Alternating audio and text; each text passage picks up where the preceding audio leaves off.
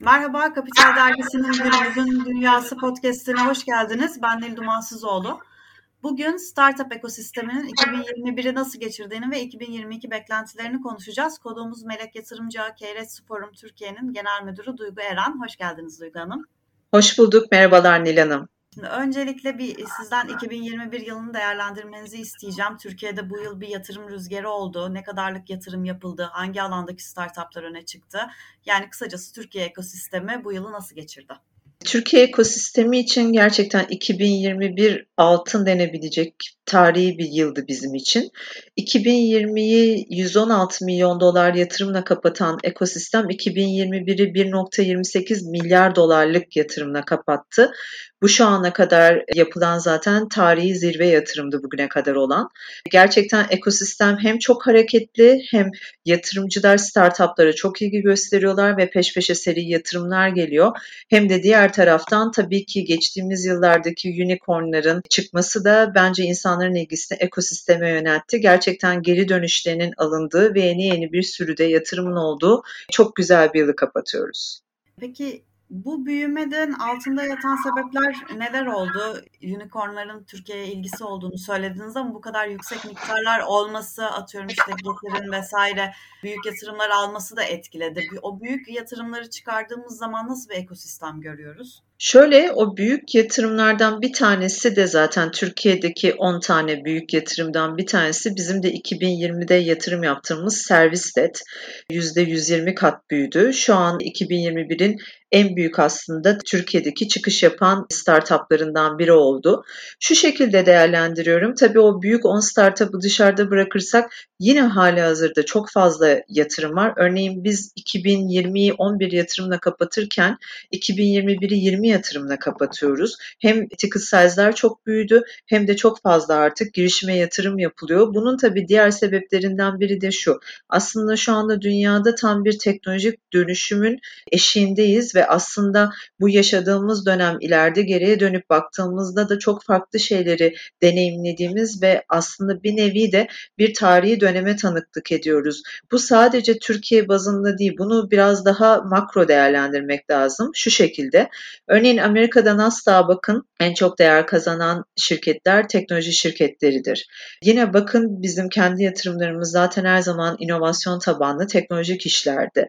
E bütün bunlarda e, domino taşı taşı gibi bir etki yaratıyor ve teknolojik dönüşümün içerisinde farklı farklı sektörler ön plana çıksa da tabii ki bütün yatırımları çok pozitif olarak etkiliyor. Ben bunun 2022'de daha da daha da artacağını düşünüyorum. Bu sadece 3-5 girişimin başarısı değil. Diğer taraftan konvansiyonel ekonomide yer alan insanlar da bizim ekosistemimizin, startupların bir hızlı büyüyüp hızlı geri dönüşünün olduğuna tanıklık ettiler ve buralarda eksitlere tanıklık ettiler. Örneğin biz 2019 yılında Remote Team isimli bir girişime yatırım yapmıştık.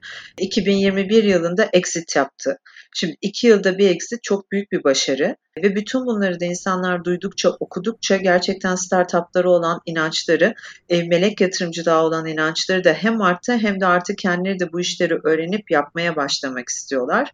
O sebeple de ben çok daha güzel metriklerin, çok daha iyi dönüşlerin ve çok daha fazla yatırımların konuşulacağı bir yıla da başlayacağımız inancındayım.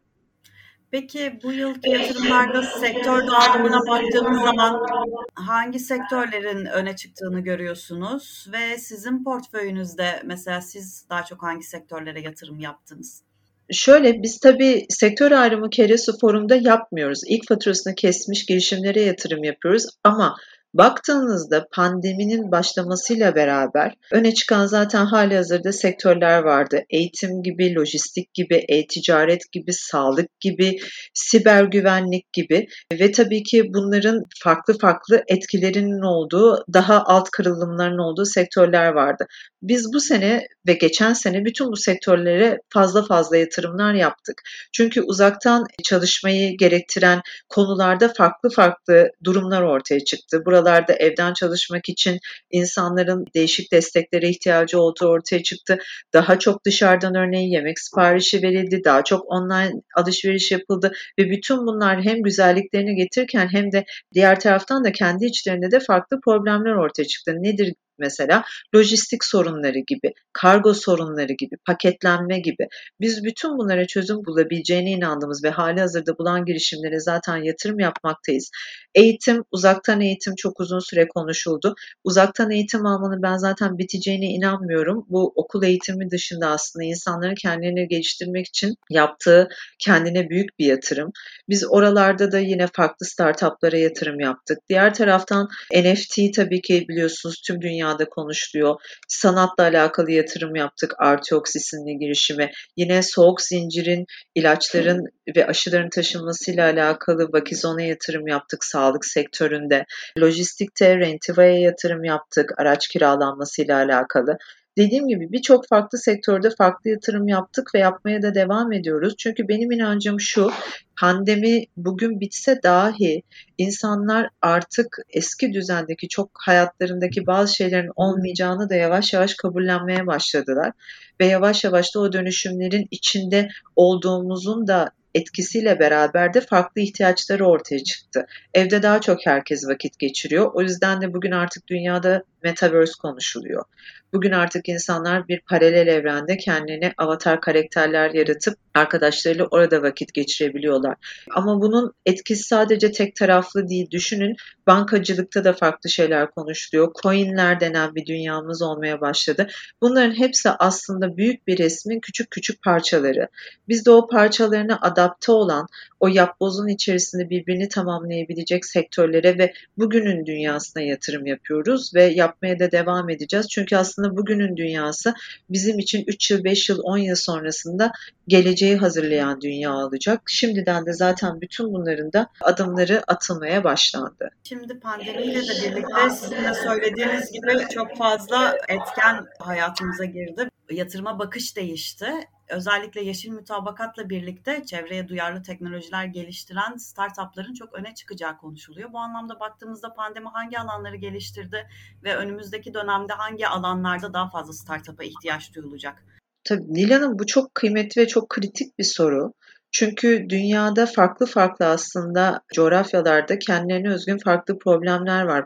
Fakat bütün dünyayı ele aldığınızda şu anda herkesin konuştuğu siber güvenlik sorunu gelecekte çok daha konuşulacak. Yani bugün online'da herhangi bir iş yapan veya herhangi bir hesabı olan herkes için aynı problemler yaşanıyor.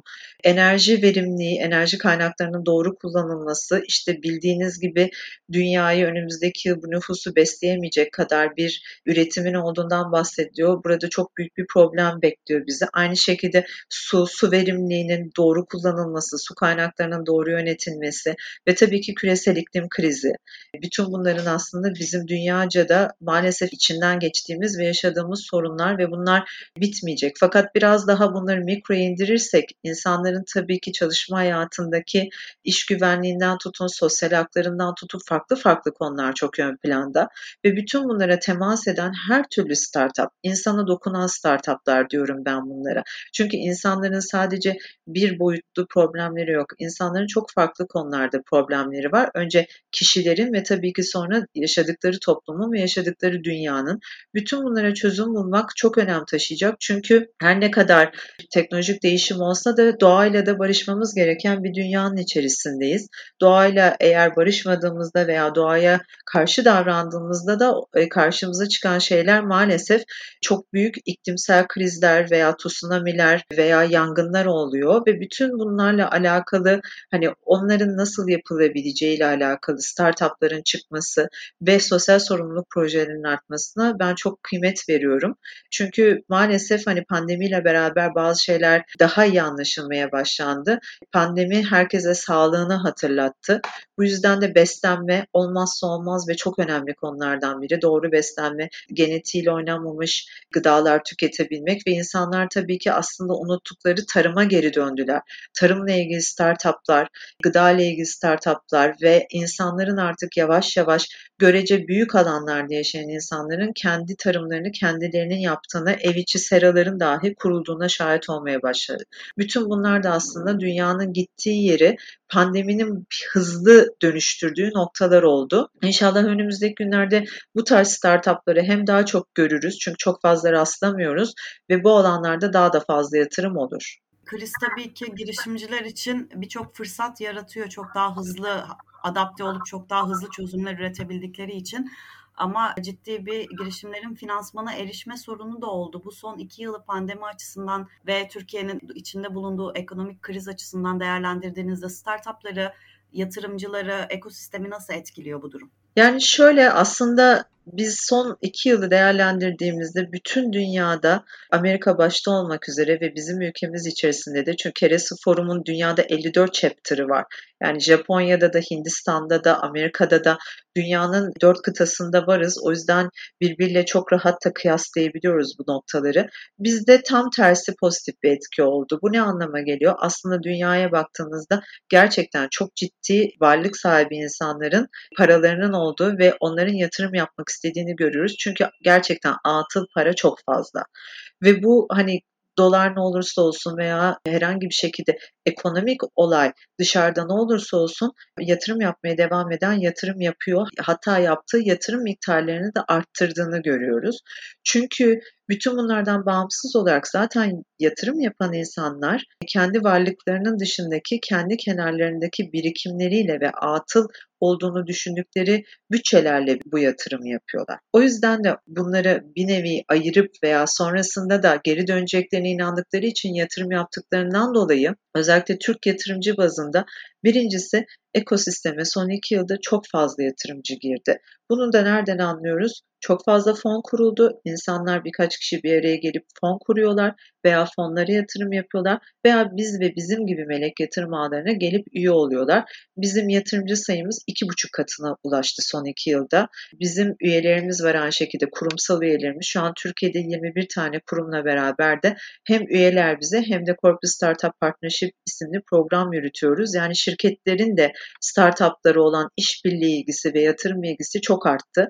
O yüzden hani bizim yaşadığımız hayat içerisindeki sıkıntılarımız veya o süreçlerdeki ekonomik konular bizi etkilemiyor. Hatta bazen tam tersi pozitif olarak etkilediğine de çok şahit oluyoruz. O yüzden hani ben bunu değerlendirirken zaten hani biraz da dünyaya bakıp da değerlendiriyorum. Çünkü dünyadaki girişimcilik ekosistemleri her zaman zaten Amerika'da, İsrail'de, o toplumlarda ileriydi. Ama şu anda baktığınızda artık her gün Amerika'da onlarca yatırım haberi oluyor.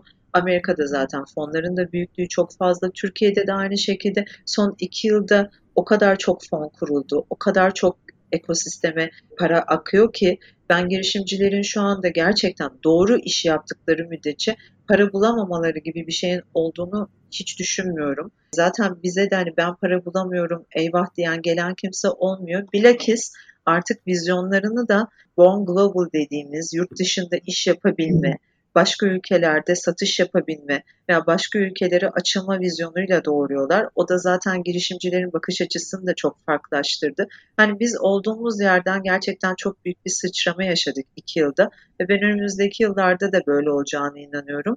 Zaten bu noktalarda da hali hazırda size güzel haberler de veriyor olacağız.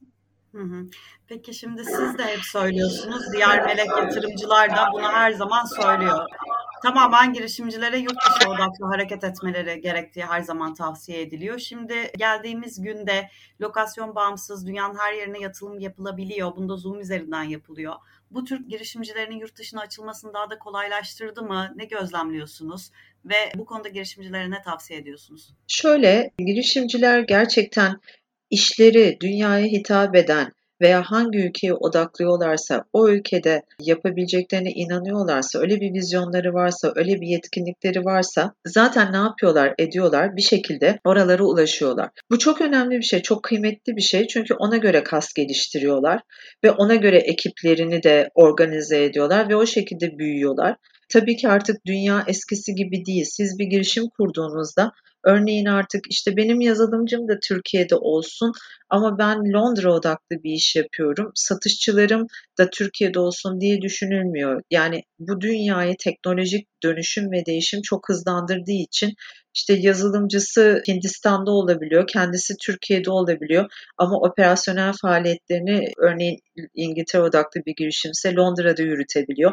O yüzden çok farklı bir şekilde bir araya gelip Lego'nun parçaları gibi toparlanıp işlerini yapabiliyorlar. Tabii ki bu gerçekten önümüzdeki dönemde daha da kıymetli olacak. Hem avantaj olarak bütçesel avantajlar sağlıyor, hem lojistik avantajları sağlıyor, hem de gerçekten de onların kendi istediklerini gerçekleştirmesi için büyük fırsatlar sunuyor. Biz zaten KRS Forum Türkiye olarak girişimlerin yurt dışına açılmasında daima yardımcı oluyoruz. Ama girişimci de yapmak isterse onlar da kendi bağlantılarını yurt dışında kuruyorlar. Çünkü burada onlara köprü olabilecek çok farklı farklı onlara yardımcı olabilecek kuruluşlar da var. Ben bunu çok önemsiyorum çünkü kendilerini gerçekten yurt dışı pazarında ilk başta konumlandırmak zaten ön plana çıkmalarını ve fark yaratmalarını da sağlıyor. Bunun için en önemli şeylerden biri de tabii ki yabancı dile hakim olmak. Ben her zaman onu söylüyorum. Yani ne yapın edin şu İngilizce meselesini çözün diyorum girişimci arkadaşlara. Çünkü oralarda bir şeyler yapabilmek için de hani oraların biraz kültürünü anlamak, iş yapış şeklini anlamak, tabii ki hukuki ve regülatif konularda da e, bilgi sahibi olmaları gerekiyor. Peki son olarak şeyi sormak istiyorum. Şimdi melek yatırımcılar çok arttı dediniz. Bildiğim kadarıyla artık beyaz yakalılar da bireysel olarak ağlara katılıyor ya da girişimlere yatırım yapmak istiyor. Şimdi girişim sayısı buna paralel olarak nasıl artıyor? Siz ne gözlemlediniz? Size başvuran girişimci sayısında ne kadarlık artış oldu? Başvuran girişimcilerin ne kadarı artık alabiliyor? Tabii sayı arttıkça yatırım alan girişimci belki azalıyordur. Bu konuda neler söylersiniz? E, sorunuzun ilk bölümünü şöyle yanıtlamak isterim. Biz Türkiye'de en çok lisans veren ve yatırım başvurusu yapan Hazine Bakanlığı'na şirketiz. Beyaz yaka konusu evet çok haklısınız. Hem lisans almak istiyorlar çünkü vergi konusunda biliyorsunuz Türkiye Cumhuriyeti Devleti 1 milyon TL'ye kadar yıllık melek yatırım yaparsanız kişisel gelir verginizin %75'ini düşebiliyorsunuz. O sebeple de beyaz yakaya da böyle bir yükümlülük getirildiğinden dolayı kendileri de aynı zamanda hem yatırımcılığa ilgisi, ilgileri daha da artmaya başladı hem de kendi taraflarında da lisans sahibi olduklarında kişisel gelir vergilerinden bunu düşebiliyorlar. Bizim de üst düzey beyaz yaka zaten her zaman o yüzden fazla bireysel üye profilimizin içindeydi. Daha da sayıları artmaya başladı. Biz de bundan son derece memnuniyet duyuyoruz. Özellikle kendi sektöründe ilgi alanları noktasında da hem çok bilgiler hem de gerçekten de çok da güzel yatırımlar yaptıklarına şahit oluyoruz. Girişimciler noktasında da girişimci kendini doğru ifade edebildiği sürece o parayı nereye kullandığını, kullanacağını aldığı parayı iyi gösterebildiği sürece aynı şekilde de kendi noktalarında finansmanını iyi idare edip bugün aslında bir şekilde kendi yoluna baktığı sürece bence her zaman hem finansmana çok rahat erişebilecek hem de bizim gibi melek yatırım ağları içerisinde de zaten çok kolay fonlanabiliyorlar. Çok kolay da finansmana erişebiliyorlar. Biz dediğim gibi bu seneyi 20 yatırımla kapatıyoruz. Bize her ay 80 ila 100 adet başvuru gelir zaten. Hani bu eski yıllarda daha azdı, şu anda daha arttı. Aynı şekilde bizim de gidip teknoparklardan, kuluçka merkezlerinden, üniversitelerden bulduğumuz girişimlere yatırım yapmaktayız. Bu da bizim aslında çok fazla girişime dokunmamız ve girişimle bir araya gelmemiz anlamına geliyor. Gerçekten büyük bir girişimcilik ekosisteminde hareketlilik var. Aynı şekilde de o girişimcilerin de ben önümüzdeki günlerde hem sayılarının daha çok artacağına inanıyorum hem de motivasyonlarının daha da yükseleceğine inanıyorum. İnşallah 2022'de sizlere bu bağlamda da güzel haberler veriyor olacağız. Peki 2022'de Türkiye'den çıkması beklenen yeni unicornlar var mı sizin gözlemlediğiniz? Kesin var Nil Hanım. İsim vermeyeyim ama Kesinlikle var. Çünkü şu anlamda var. Yani bizim de kendi radarımızda olan girişimler var. Zaten aslında Türk girişimlerinin hani unicorn işte 900 milyon dolarda kalır değerlemesi 1 milyar doları olmaz. Bunlar kadar önemli olan şey dediğiniz gibi bunların sayısının artması. Biz daha çok unicorn duyacağız. Çünkü ben her zaman 10, 13 yıl önce bu ekosisteme girdim. O zaman da diyordum yani yeni ekonomi startuplar üzerine olacak diye. Zaten bu da bizi hiç yanıltmadı. Baktığım ve gördüğüm kadarıyla da 2022 yılında da bence hızlı bir şekilde ilk çeyreğinde zaten unicorn haberleri duyulmaya başlanacak. Şu anda da hali hazırda zaten o 10 büyük şirketi de radarlarına almasını herkesin öneriyorum. Gerçekten de hani çok çok keyifli önümüzdeki yıllar bizi bekliyor inancındayım. Peki çok teşekkür ederim Duygu Hanım katıldığınız için. Rica ederim. Çok memnun oldum Nil Hanım. Görüşmek üzere. Tekrar Görüşmek üzere diyorum. Hoşçakalın.